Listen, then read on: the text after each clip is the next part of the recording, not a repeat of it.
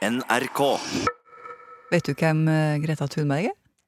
Er det hun som streiker for klimaet? Mm, hun lille svenske med blå joggesko. Ja. Ja. Forbildet mitt, tror jeg. En har et forbilde som er 16 år. Ja, det er Jeg blir godt. så rørt når jeg ser på hun. Jeg digger faktisk. Jeg tror det er mange som gjør det. Hun har altså blitt kjent over hele verden fordi hun skulker skolen hver fredag for å sitte foran Riksdagen i Sverige ved sida av sin plakat hvor det står Skolstreik for klimatet. Ja, og nå har jo Hun har jo påvirka andre ungdommer, ikke bare meg. Mm. Fordi rundt omkring i hele verden så har folk fulgt hennes eksempel. Forrige fredag, for eksempel, så var det 35 000 som skulka skolen og dro inn til Brussel. Tenk for en følelse det må være når du har sittet der foran Riksdagen i Sverige i kulden, og så ser du at det begynner å bevege seg rundt om i verden. At du får være med på Skavlan og Ja. Ja. Å, fortjener det. Mm, vi må snakke om det her, det, for det er jo akkurat som Greta har trykka på en knapp. Og vi som snakker her, er Lise Sørensen. Og Margrethe Nåvik. Jeg har jo vært med å lage dette programmet i ca. 20 år. Mm. Og av alle de tingene som har blitt sagt, så er det her et av utsagnene som har festa seg hos meg. Hvert, hvert eneste menneske er jo, en, er jo en liten revolusjon. Vi kan bryte med en autoritet. Vi kan faktisk si nei. Eller dette vil jeg ikke være med på lenger. Å stå opp. Det var Einar Øvrenge, filosofen, som sa det her en gang for mange år sia. Alle mennesker har en revolusjon liggende i seg, kan man kanskje si. Hvis det her er sant, for en mulighet som ligger i deg og meg. Hvorfor sitter vi bare her og venter på at ting skal skje? Hvis det er sånn, hvorfor reiser vi oss ikke og roper når vi syns at noe er feil? Det hender ikke så mye. Det er mest snack. Hun her, hun har reist seg. Hun har sagt det her blir jeg ikke med på lenger. Jeg skulker skolen og sitter foran Riksdagen med min plakat hver fredag inntil noe skjer. Og på plakaten så står det 'Skolestreik for klima'. Hender det du angrer på metoden du har valgt? Ibland kan det, Når man må sykle i 10 minus tidlig tidigt på morgenen, da kan man tenke men, men nej. Nej, för man ser att det, det gör ändå lite skillnad och man får ha lager på sig. Massa lager. Och så får man ha te och så får man hoppa. Her sitter hun i sine lange musefletter i studio hos Fredrik Skavlan på TV 2. De blå joggeskoene når ikke ned på gulvet engang. Hun dingler med føttene og smiler lurt. Greta Thunberg. En levende revolusjon som nå har skjønt at hun er akkurat det. For hun har satt i gang noen svære bølger, Greta. Det kunne vi se på Dagsrevyen forrige helg. Vi skal til Belgia, der 17 år gamle Auna de Weiver har kuppet den politiske dagsorden. Inspirert av den svenske klimaaktivisten Greta Thunberg oppfordret hun til skolestreik. Sist torsdag deltok 35 000 unge i marsjen. Fremdeles går skoleelever av togene som kommer til Brussel sentral. 20 000, 32 000, 35 000 ungdom som skulker for klima. This is all for her, you know, for the movement, for the climate. She started this, and I just wanted to help her a little bit. Og alt det her har altså 16 år gamle Greta fra Sverige, 16-åring med musefletter og blå joggesko, satt i gang. Mm. Jeg hadde jo lyst til å grave litt i det her, for eh, jeg har jo sjøl veldig dårlig miljøsamvittighet. Men jeg skjønner ikke helt hvorfor jeg ikke klarer å sånn, gjøre noen ting. Mm. Så vet jeg av en filosof på NTNU Handelshøyskolen som sier at uh, det er det at vi tar ikke oss sjøl på alvor. Altså, jeg tar ikke den her dårlige klimasamvittigheten på alvor. Mm. Når for eksempel uh, jeg sier at uh, det, det er ikke bra at vi driver og flyr så mye. Og det kan jeg godt si mens jeg er på vei inn på gaten på Værnes, liksom. Mm. Og flyr av gårde. Eh, og jeg må advare litt her, da, for det kan bli litt refs. Hun er ganske streng, Linn Olderøyen. Eh, Vi har jo muligheten.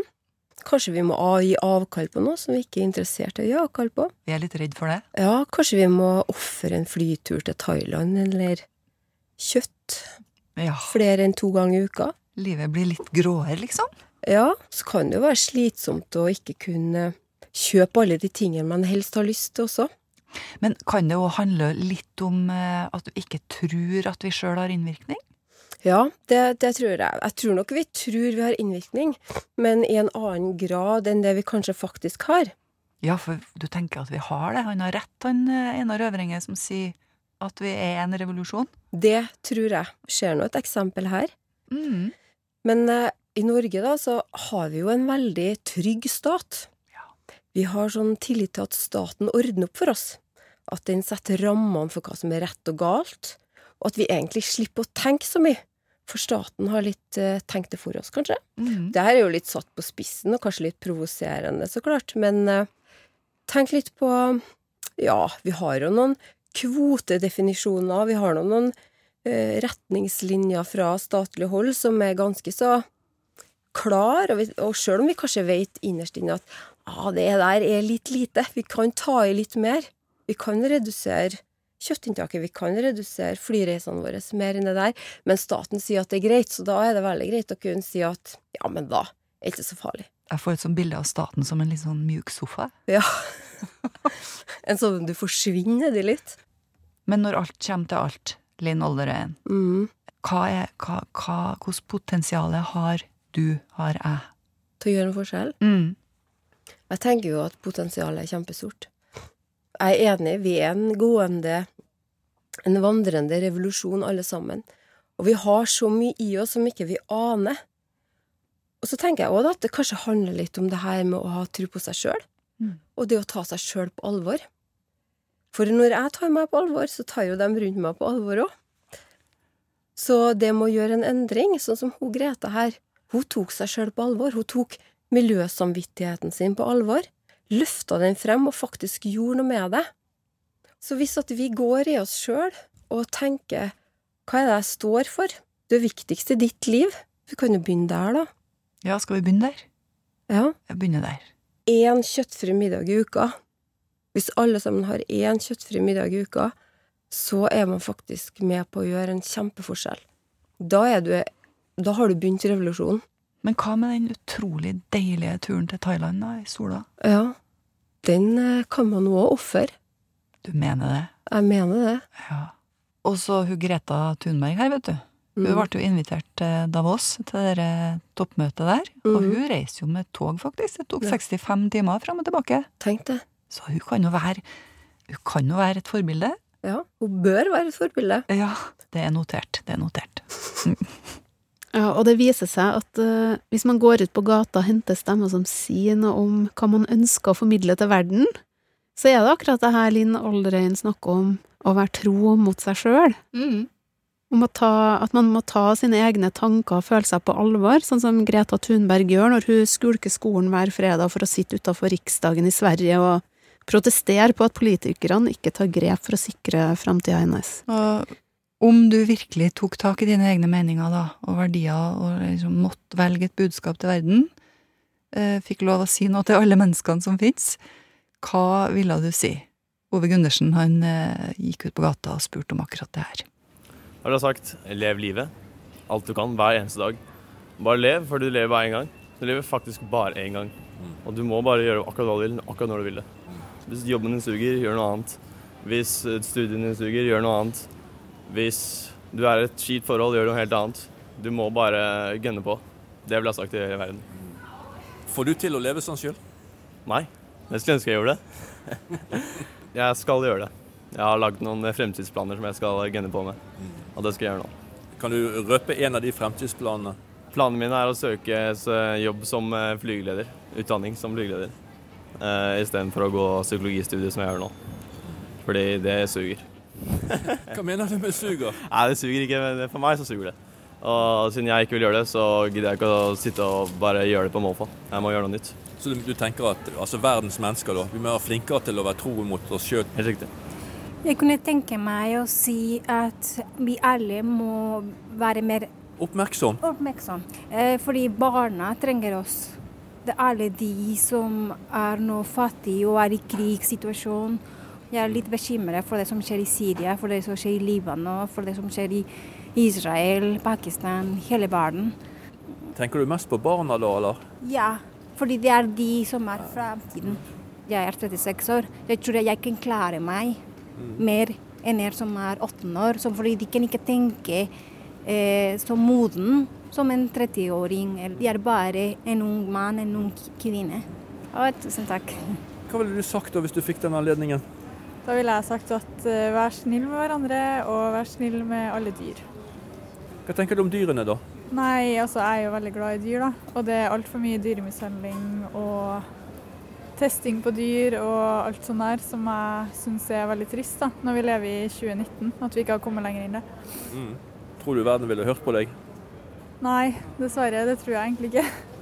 Men Hvorfor tror du det er så vanskelig å nå frem med et sånt budskap, da? Kulturforskjeller, da.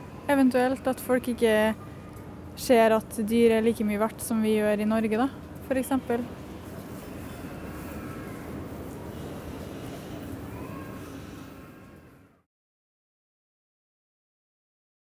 Nei, At folk må slutte å bry seg så mye om eh, ulven og så heller tenke mer på klima. Mm. Hva tenker du om verden og klima, da? Nei, Det er jo skummelt, og det er jo mye forskjellig forskning på det. Men eh, det er vanskelig å stole på enkelte ting også, så man vet jo ikke helt da, hva man skal tro. Er er du ordentlig bekymret, eller bare sånn litt? Nei, Man er jo ordentlig bekymret da, når du ser hva som skjer eh, med polene og all isen som smelter og vannøkningen i New York og Los Angeles og sånne ting. Så det, det er skummelt. Så du har en følelse av at verden kan komme ut av kontroll? Ja, hvis den ikke allerede har gjort det, så. Er, er du redd for det? Ja, absolutt er det. Det burde vel flere være også. Hvis du skulle ha fått sagt et budskap til hele verden, hva ville du sagt da? Da vil jeg at Trump skal gå av, rett og slett. Så kanskje at vi får eh, litt orden i verden. Og den jævla muren han eh, prøver å få til, det er vel en eh, ja, det er vel en sånn valggreie som han prøver å få i orden. Pga. At han tross alt Det var jo det han stilte opp for. Ja. Tror du verden ville jublet når de hørte ditt budskap? ja, det er vanskelig å si det, gitt. Vanskelig å si. Hvis du skulle snakket til hele verden, hva ville du sagt da? At vi tar vare på hverandre litt bedre, tror jeg hadde vært eh, mitt budskap. Har vi litt å gå på der? Ja, det tror jeg. Det er en bra grunntanke i alle fall. Og så kan man eh, bygge fra det. Du som er svensk, da, eh, føler du at du blir tatt vare på her i Norge? Ja, det tycker jeg absolutt. Foruten alle nordmenn som sier eh, hur mår ni? Det heter faktisk hur mår du? Den skal jeg ta til meg. Så er det. Takk. Be kind to one another, sånn som Ellen DeGeneres sier. Og at hvis vi alle tenker litt mer på hverandre, så blir det likere for alle sammen, tenker jeg. Ta vare på hverandre, ville jeg sagt. Vær snill. Vær grei. Mer enn det trenger vi egentlig ikke å be om. Så enkelt og så vanskelig, tydeligvis. Vær snill, vær grei, ta vare på hverandre. Og det her med å tørre å leve livet og bryte opp når det suger, som en ung- ungdom sa, det er viktig. Ja, det handler jo om det å være tro mot seg sjøl, det òg. Mm. Ja, så var det en svenske inne her som sa det, at det, det heter ikke Hur mår? Nei. Det var en overraskelse for meg. Det heter Hur mår du? Mm. Det må vi ta med oss videre, da. Ja. Mm. Vi har hørt i det siste at eh, det er mange lærere som er bekymra for at det er mye konspirasjonsteorier ute og går blant ungdom. Mhm. Og det blomstrer med sånne alternative sannheter i ungdomskulturen, mener de å se, og de vil ha det her inn i undervisninga. Mm, sånn at ungdom på en måte skal være rusta når de blir presentert for de her teoriene på, på nett, kanskje, først og fremst. Ja, mener du at jorda er flat? Er det lett å finne argumenter for det i vår tidsalder? Utrolig nok. Det er Ja. bare å gå på nett og Oi. finne argumenter. Ja. Det finnes metervis av videoer som støtter det. Mm. Eller at månelandinga er lureri. Ja. Ingen har vært der. Jeg har jo, vi har jo, som jeg kanskje har sagt før, en sånn pratesofa på kjøkkenet. Nei, det har jeg ikke fortalt om. Nei, vi har en stor, mjuk sofa på kjøkkenet, og så kommer det gutter opp, da. Og jeg har jo flere gutter, og så kommer de opp og snakker om forskjellige ting. Og i en viss alder, kanskje sånn 12-13-årsalderen, så tror jeg de begynner å stille spørsmål ved de sannhetene som de har blitt presentert for før. Og så kommer de liksom og sier at jeg tror ikke, vet du mamma, jeg tror ikke at det, det har vært noen på månen. Oi, nei. da har de sett det på nett, da, og så har de googla, og så har de funnet masse som tyder på at det ikke har vært det, faktisk. Oi. Mm. Det var bare et studio, liksom, her foregikk. Ja, det var et Mm. studio. Ja. Tanken er jo da at vi får ikke vite hvordan ting egentlig henger sammen. Sannheten skjules for oss. Vi, m- maktmennesker skjuler sannheten. Media akademikere skjuler sannheten. Elitene gir oss ikke svar, så de, de må man finne selv. Øyvind Holen har skrevet bok om hiphop, og i denne kulturen så blomstrer konspirasjonsteoriene. Hvis du har en ungdom i huset, så kan du jo for eksempel spørre om han tror at Tupac er død. Jeg får alltid spørsmål om jeg tror Tupac er i live. Ja. Det er jo en av de store konspirasjonsteoriene i hiphop-historien. Han døde altså for uh, 22 år siden. 22 år siden, ja. Og hans første posthume album, som kommer bare noen uh, kommer en måned etter at han ble drept, det heter jo The, The Don Killuminati. Mm. Vi må si at Illuminati det er altså en hemmelig orden som uh, oppstod i Tyskland på 1700-tallet. Ja. Ja. Men som ble forbudt veldig fort. ja. Og, og, og nå er det bare sånn buzzword for alt hemmelige organisasjoner. Ja, for at det, tanken er at det er Illuminati som styrer verden, egentlig. Ja. Ja. Og jeg tror ikke liksom eh, vi voksne egentlig har forstått hvor mye ideen om Illuminati har festa seg i yngre generasjoner. Jeg, som sagt, jeg var på en ungdomsskole i Groruddalen, og da får jeg spør en av elevene, en historiker eller, eller, som har et foredrag, jeg husker ikke hva foredraget var, men hun spurte kjenner du til, kjenner du til Illuminati. Og hun, denne voksenpersonen bare viftet vekk spørsmålet og bare lo litt, sånn bekjemmet, istedenfor å si det som man bør si hvis, til en tolvåring. Altså hvis, hvis denne organisasjonen er så hemmelig, hvorfor har du hørt om den? Og det er akkurat det, sier Øyvind, at vi må ta de her teoriene på alvor, ikke bare føys dem bort, for da bare bekrefter vi at her er det noen ting å skjule. Hvis ungen din har sett en video om at månelandinga er lureri, for eksempel, da er det smart å bli med og tenke på det.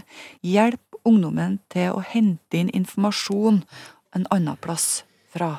Konspirasjonsteorier spiller jo på noe grunnleggende i oss mennesker, for det, det gir jo forklaringer, fortellinger, på, på hvordan verden henger sammen, med, med, svar.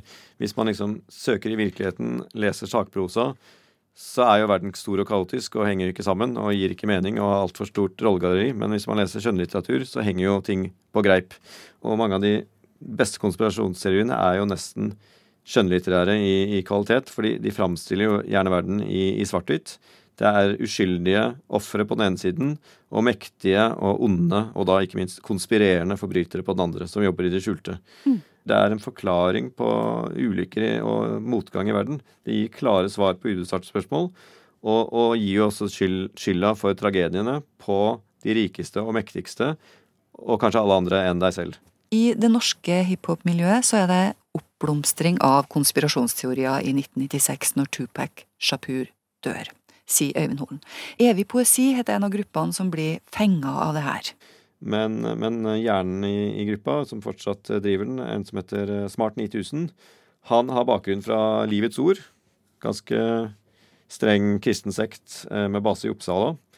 Og mister jo egentlig trua på religionen som følge av 11.9.2001. Mm. Og, og, det er jo akkurat når konspirasjonsteorier virkelig blomstrer opp etter 11.9. Hvem sto bak? Hva skjedde? Ramla virkelig bygningene? Og, og, og, det han gjør da, han, han er jo da ny, nyfrelst skeptiker. Og han møter seg selv i døra. For alle de som stiller spørsmål ved 11.9., de minner om hans religiøse bakgrunn som religiøs er omgitt av ikke-troende, så måtte han hele tiden begrunne, rasjonalisere, og argumentere og diskutere troen sin.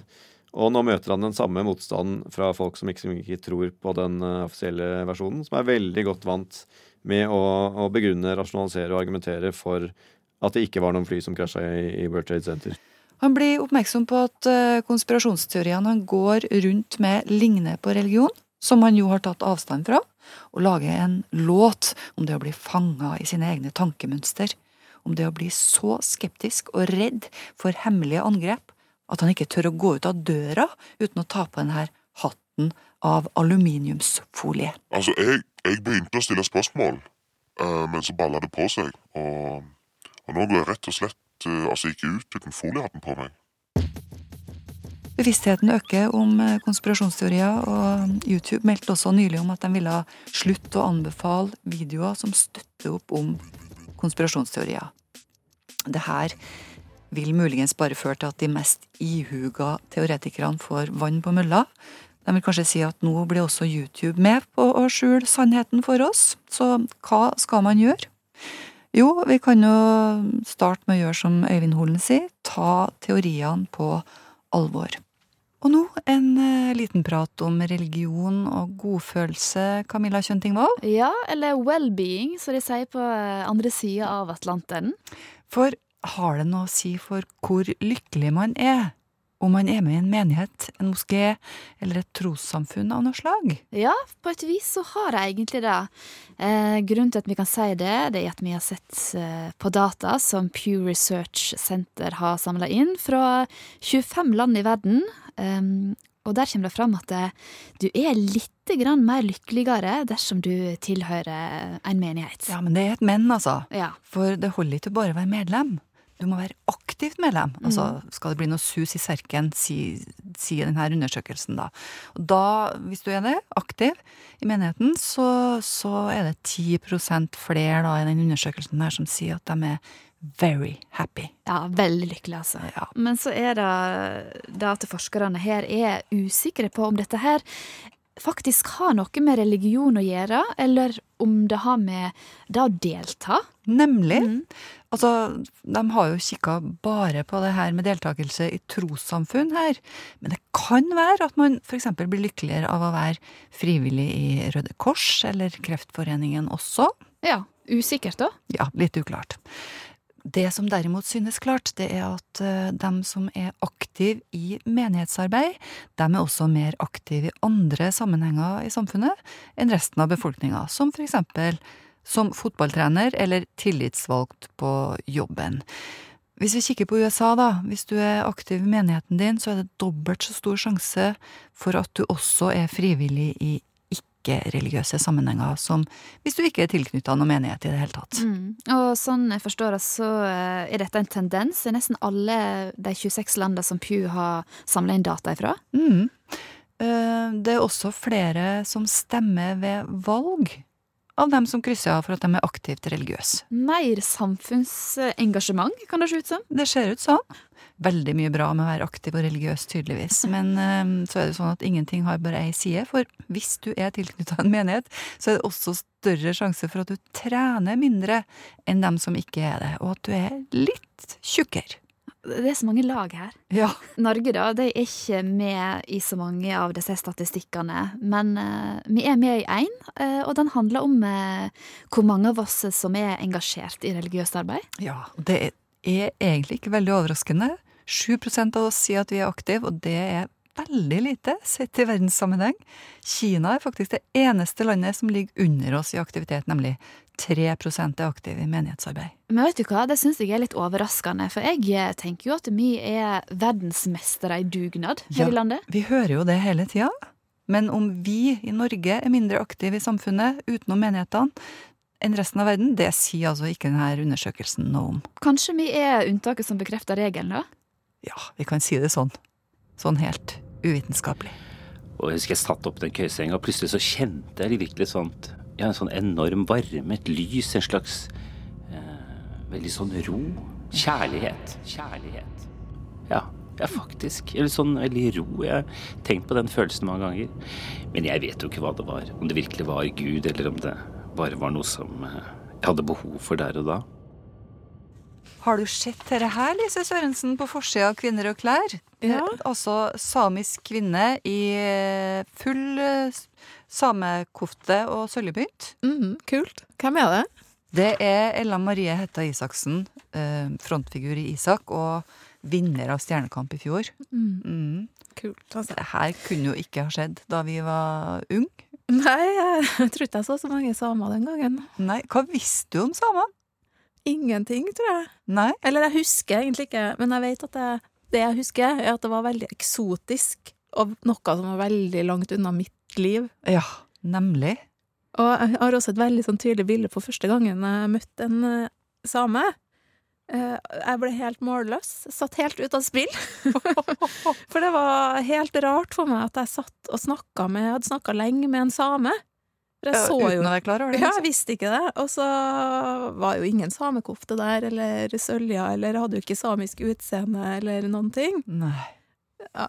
Så det er litt pinlig å snakke om, men eh, sånn var det. Ja, Men det er jo ikke så rart. Altså, eh, vi snakka jo om her at det, du var faktisk 14 år første gang samisk nasjonaldag ble markert i Norge. Mhm. Den er nå, på onsdag. Ja.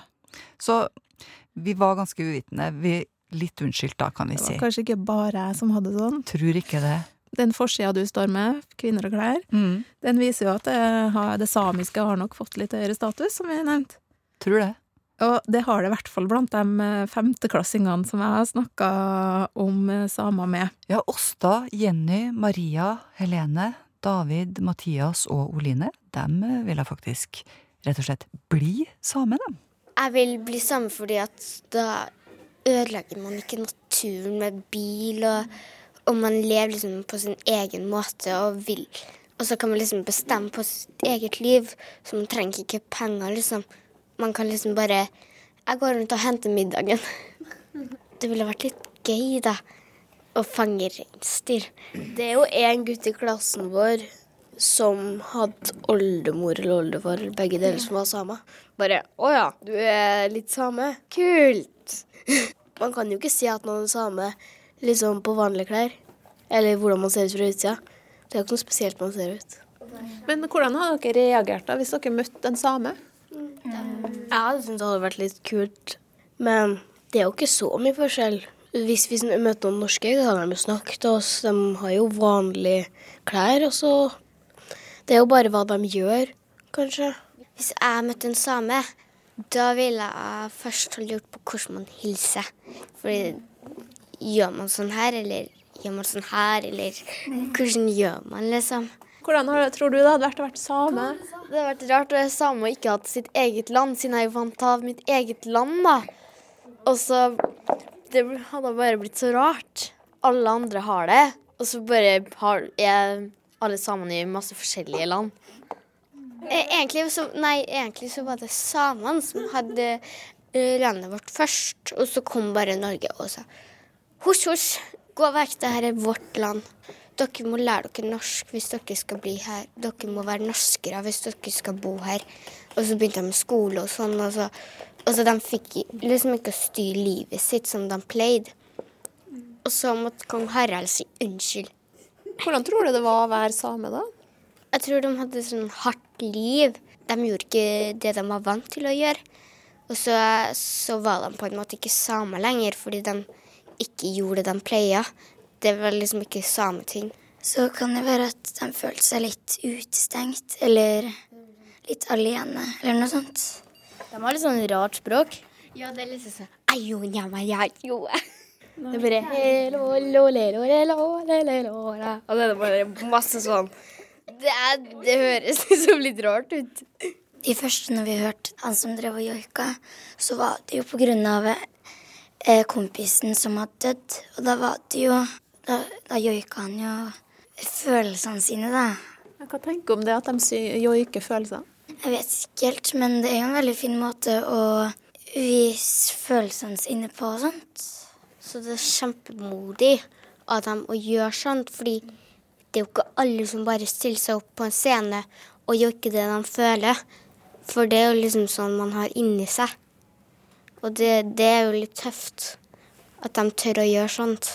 Jeg blir så misunnelig når jeg ser på en same, fordi de, de har liksom Det er som om de skal til en fest, men så er det bare dagligklærne som de bruker hver dag. Det er jo litt det er jo litt finere å være same, fordi da er man, man oppvokst med å være ute i naturen. Og vi som bor her, vi holder jo kanskje litt på med mer med dataspill og sånne ting. Og vi er ikke like opptatt av å gå ut, selv om det er veldig bra å være oppe i fjellet og sånn.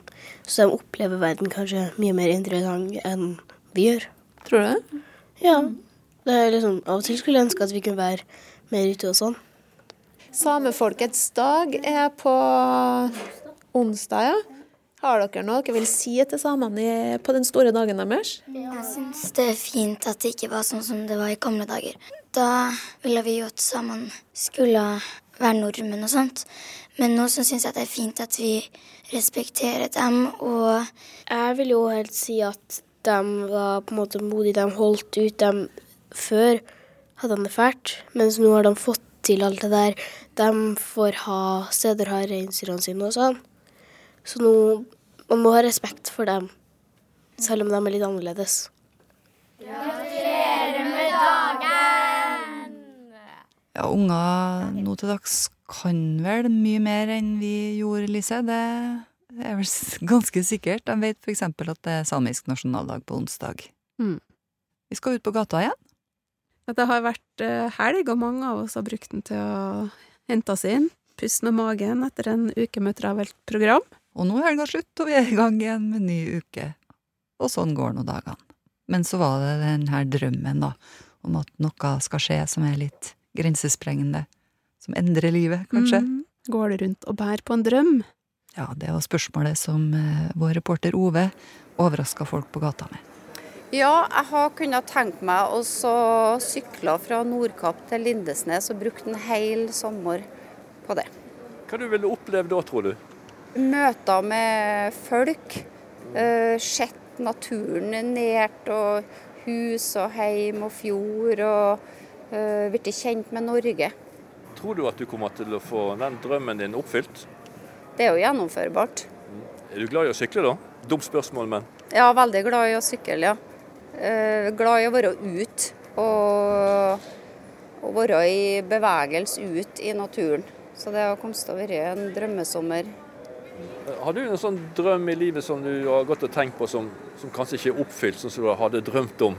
Nå har jeg jo det at jeg mista synet for tolv år siden, så det er jo klart at det skal jeg jo gjerne ha tilbake. Men eh, det er jo ikke noe som tyder på det. da. Hva som har skjedd med deg, da? Nei, det var en voldsom infeksjon da, som gjorde at synet forsvant. Er du helt blind, eller? Ja, absolutt. 100% Hvordan har den overgangen vært fra å være seende til å bli blind? Nei, det var jo klart at det er jo tøft, da. Mista jo jobben og hadde jo ingen mulighet til å fortsette med den. da. Tolv år, har du vent deg til å være blind, eller tenker du det på hver dag at Tenker på det hver dag. Det er klart, det. Det liker jo syting og klaging. Han driver ikke og syter og klager? Nei, nei, nei. Overhodet ikke. Jeg syns han er utrolig tålmodig. Ja. Det var jo rørende sagt av kompisen din, da. Ja da. Og takk for det. Det har jeg sagt til han òg. Ja. Han vet det. Han vet det. Ja da. Har du sånn drøm som du går og tenker på av og til som skulle vært oppfylt? Ja, kvitte meg med alle personlige jordiske eiendeler. Som er bare mas og prakk og se etter. Og nå har jeg kjøpt meg presenning for at presenningen på båten har blåst i stykker. Så da må jeg liksom bruke halve dagen på det, da. Hund og båt er bare prakk. Men hvorfor har du det da, når det bare er ræva? Jeg tenkte ikke på bivirkningen da jeg kjøpte det. Er det realistisk at du en eller annen gang kan, i dette livet kan bli så fri at du kan bli kvitt alle disse materielle tingene? Ja, du må jo ha et sted å bo, men eh, det, det må man jo. Men utover det så har man ikke behov for alt det andre. Kan ikke du bare begynne med å selge båten din, da? Jo, jeg har faktisk en stor plan om det. ja, lykke til. Takk.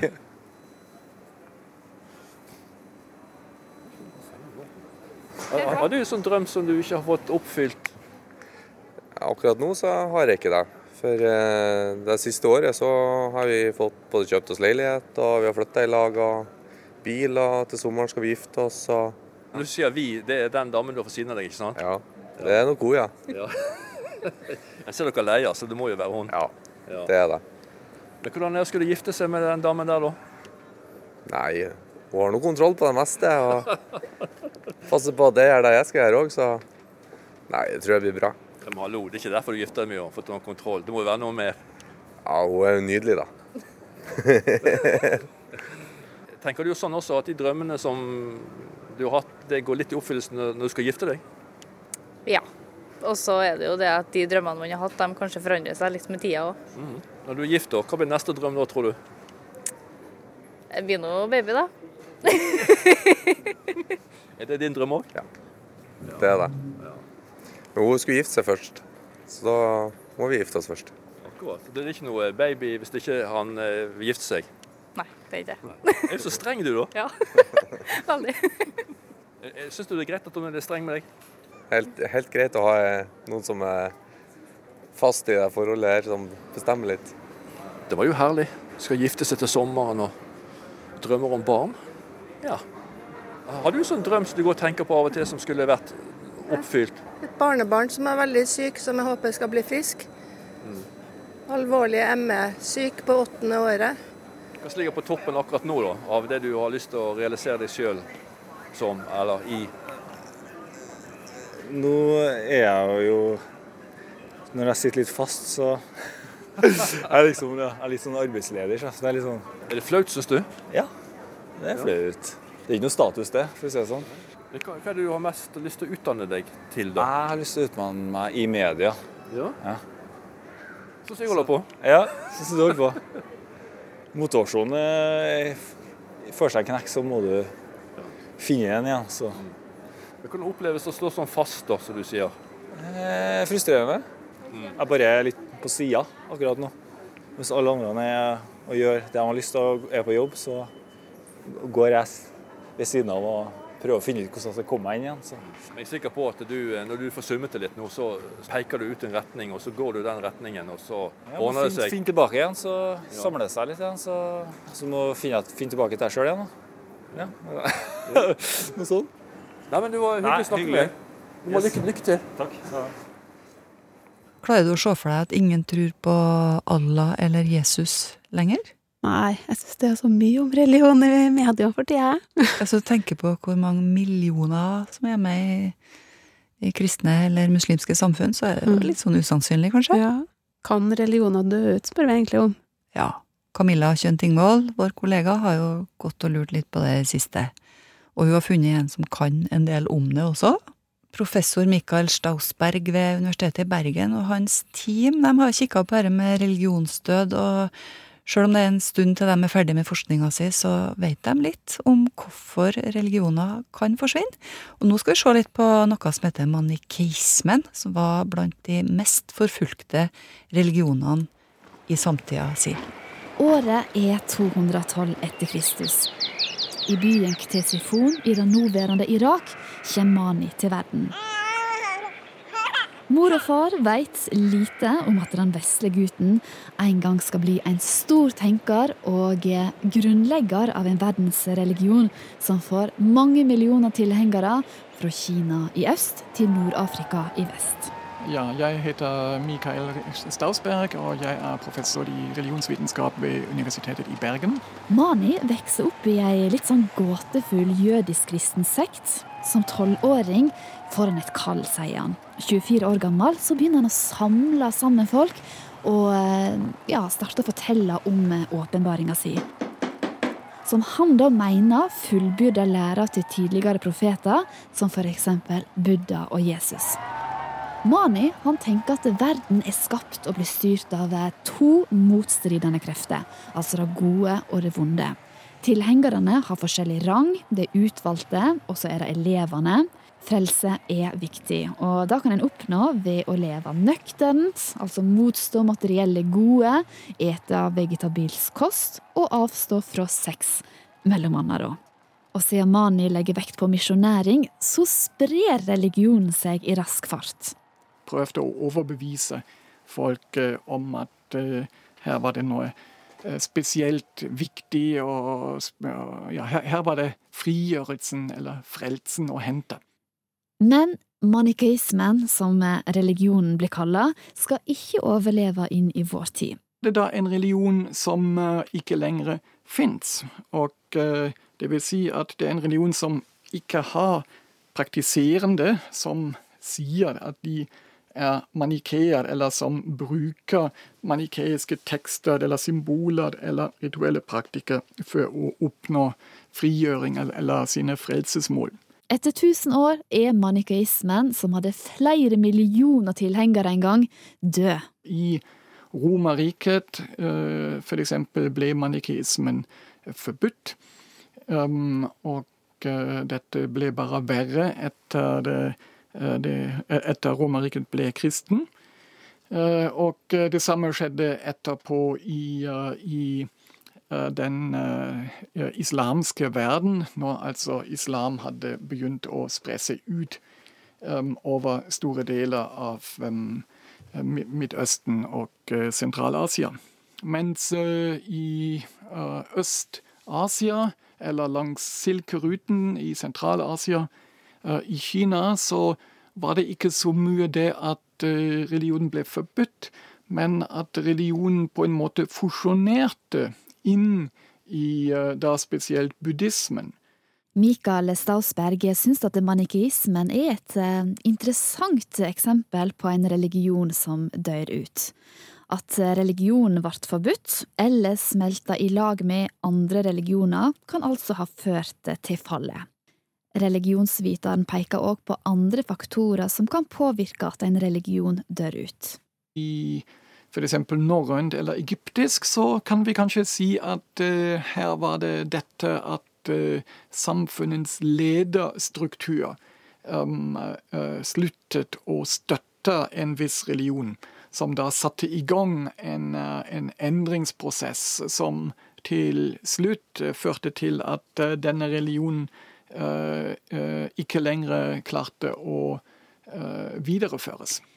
Religioner er altså på mange måter avhengig av å bli støtta av de som har makt for å overleve. Så tilbake igjen til den utdødde manikismen. Er det noen sjanse for at religionen kan bli født på ny i dag? Ja, altså den, den kan det sikkert. Det trenger jo bare komme opp når, når entreprenører og sier ja, men nå skal vi um, fortsette med manikismen. Og uh, dagens teknologi gjør det jo enkelt at man, uh, at man, kopierer ting, at man laster ned ting, at man uh, selv blir kreativ til å, til å lage nye artefakter. Altså, dette tror jeg ville ikke vært vanskelig. Mm. Spørsmålet er hvilken gevinst får man, altså ville, ville man fått ut av det, og ville manikeismen passet? Og den ville kanskje passet på den måten at den stadig vekk var en hva skal man si, en sekundær religion. Ja? Altså en religion som bygget på eksisterende religioner. Ved at man f.eks. For fortalte sine ideer uh, i, ved å bruke kristne tekster overfor kristne, og ved å bruke buddhistiske uh, malerier overfor buddhister. Så man kunne på en måte komme med en manikeisk nytolkning av eksisterende religioner. Men jeg, jeg, jeg, tror ikke at det er kanskje veldig attraktiv med tanke på dagens ledende mentaliteter. Og også med tanke på at det å være en utvalgt i manikeismen eh, er et veldig kravstort prosjekt som, kan, som, neppe kan gjøres på fritiden. Og som trenger en støtteapparat av rike supportere som faktisk holder det ved like. Ja, så i praksis er det kanskje litt vanskelig, men ja. det, det, går an hvis noen har lyst til å prøve? Ja, det, det, det går an, i alle fall en viss tid. Ja, Det er professor i religionsvitenskap Mikael Stausberg ved Universitetet i Bergen som sier det her, som forsker på religionsdød for tida, altså. Og så er det kanskje noen som lurer på om islam og kristendom kan bli utrydda en gang? Ja. Den tilpasser seg nåtida så mye at ja. Ja, kanskje. Bare, bare feide ut. Feide ut, ja. ja. Det kan jo være. Mm. Kristendommen har i hvert fall ikke den statusen det har hatt. Eller Nei. den har hatt, da. Det kan man jo si i Norge i dag. Vi vet, vi har jo hatt en religion før her som har dødd ut. Ja. Norrøn eh, religion. Nesten dødd ut. Tor og Odin, dem, det er vel ikke så mange som tror på dem lenger, nei. Nei, jeg leste nettopp om et uh, tempel på Island, da, som de bygger opp. Det er den raskest voksende religionen i Island. På Island. Mm. Mm -hmm. Det kan vi snakke om senere en gang, kanskje. Ja, ja. Hva er det som gjør deg og meg til et menneske? Hva er det ved oss som gir oss rettigheter i verden, altså menneskerettigheter, for eksempel? Nei, vi skal ikke snakke om abort, vi skal snakke om Blade Runner, filmen fra 1982. Handlinga er lagt til 2019, altså nå er vi der. Kort fortalt, her er filmpolitimann Birger Vestmo med plottet. En liten gjeng maskiner som ser ut som mennesker og oppfører seg som mennesker, har gjort opprør og prøver å finne han som har konstruert dem. De har håp om at han kan forlenge det korte livet deres. Hovedpersonen i filmen har i oppdrag å stoppe dem, men jo nærmere han kommer de her menneskemaskinene, jo mer blir han i tvil. Har vi mennesker egentlig rett til å ødelegge det her som etter hvert ligner mer og mer på oss sjøl?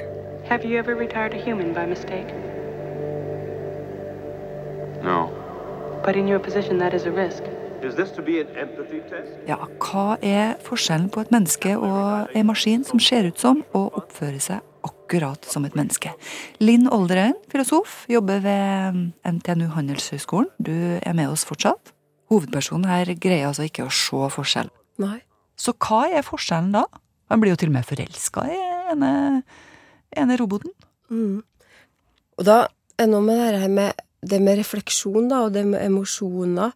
Den eh, roboten hadde jo ikke emosjoner på samme måte, men kunne etterligne, eller var programmert til å reagere på visse emosjoner, så vidt jeg husker. Vet vi det? Ja, det Vet- kan vet du jo vi at det ikke er ekte, liksom? Ja. Vet du at det er ekte hvis jeg har følelser? Jeg vet jo ikke om det er ekte. Det kan jo hende at du har lært deg til å agere i visse mønster. Det er det jo alltid en eh, fare for. Mm. Der har vi jo kanskje enkelte diagnoser òg som, som eh, tilsier at man ikke har den samme emosjonelle opplevelsen. Men det blir jo noe helt annet. Gjør det Ja. Kan man si at et menneske med, som har eh, vansker for å definere emosjonene sine, ikke er et menneske? Her er vanskelig. Ja, jeg tenker jo at det kan man ikke. At det kanskje må handle om noe annet. Hvis vi hadde gått liksom inn i den uh, mer uh, ja, erkjennelsesfilosofi-biten, da, og kanskje vandra litt bakover til antikken, så ville man vel ha sagt at Begynte å snakke om eh, en form for sjelsliv, eller en form for indre prosess som ikke er å finne hos planter, dyr, ting. Mm. Men Akkurat. da hadde de jo ikke roboter og maskiner. Nei, det. Hadde jo tenkt på det, sikkert. Nei. Men um, en annen ting er jo uh, hvis, hvis eh, en sånn robot da går rundt i verden, ser ut akkurat som et menneske vi, og, og gjør bare godt, Mhm. gjør bare godt i verden, Mm. bør den ha noe færre rettigheter enn meg? Det er jo et vanskelig spørsmål. Hvis Greta Thunberg, som vi snakka om tidligere i sendinga, var en robot, Ja. men ingen så det. Ja, da kan du jo man kan, Da må man jo inn på diskusjoner hva er et menneske, da. Men jeg tror nok kanskje de fleste ville sagt det at eh, hvis eh, Greta Thunberg er en robot, så er hun en robot. Og en veldig godt programmert en. Men har hun da menneskelige rettigheter? Ja eller nei? Jeg tenker jo nei, hvis at det er snakk om eh, en maskin. Tenker jeg, da. Men du, er, du drar litt på det, du er litt usikker. Ja. Da, jeg tror, nå tror jeg vi driver og beveger oss inn på det feltet hvor vi må definere eller redefinere et menneske, da. Og er vi Kan vi tillate oss det? Og hvem skal gjøre det? Ja, hvem skal gjøre det?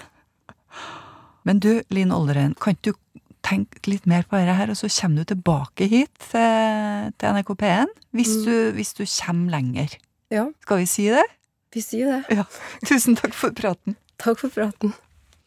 Ja, det er mulig vi har tatt på oss litt for store sko i dag, når vi har tatt mål av oss å svare på spørsmål som det her. Hva er et menneske? Tror kanskje det, men kanskje jeg har fått satt i gang noen tanker. Du er modig, Margrethe. Og kanskje Linn eh, plutselig kommer tilbake med, med noen nye erkjennelser. Vi får se. Mm. Ja, det var det vi hadde i dag. Lise Sørensen og Margrethe Nåvik eh, takker for laget. Skal vi ta e-postadressen vår, kanskje? Ja. Ja, hva er det da? Mellom himmel og jord? Nei. Himmel og jord, krøllalfa, nrk.no. Ha det, ha det.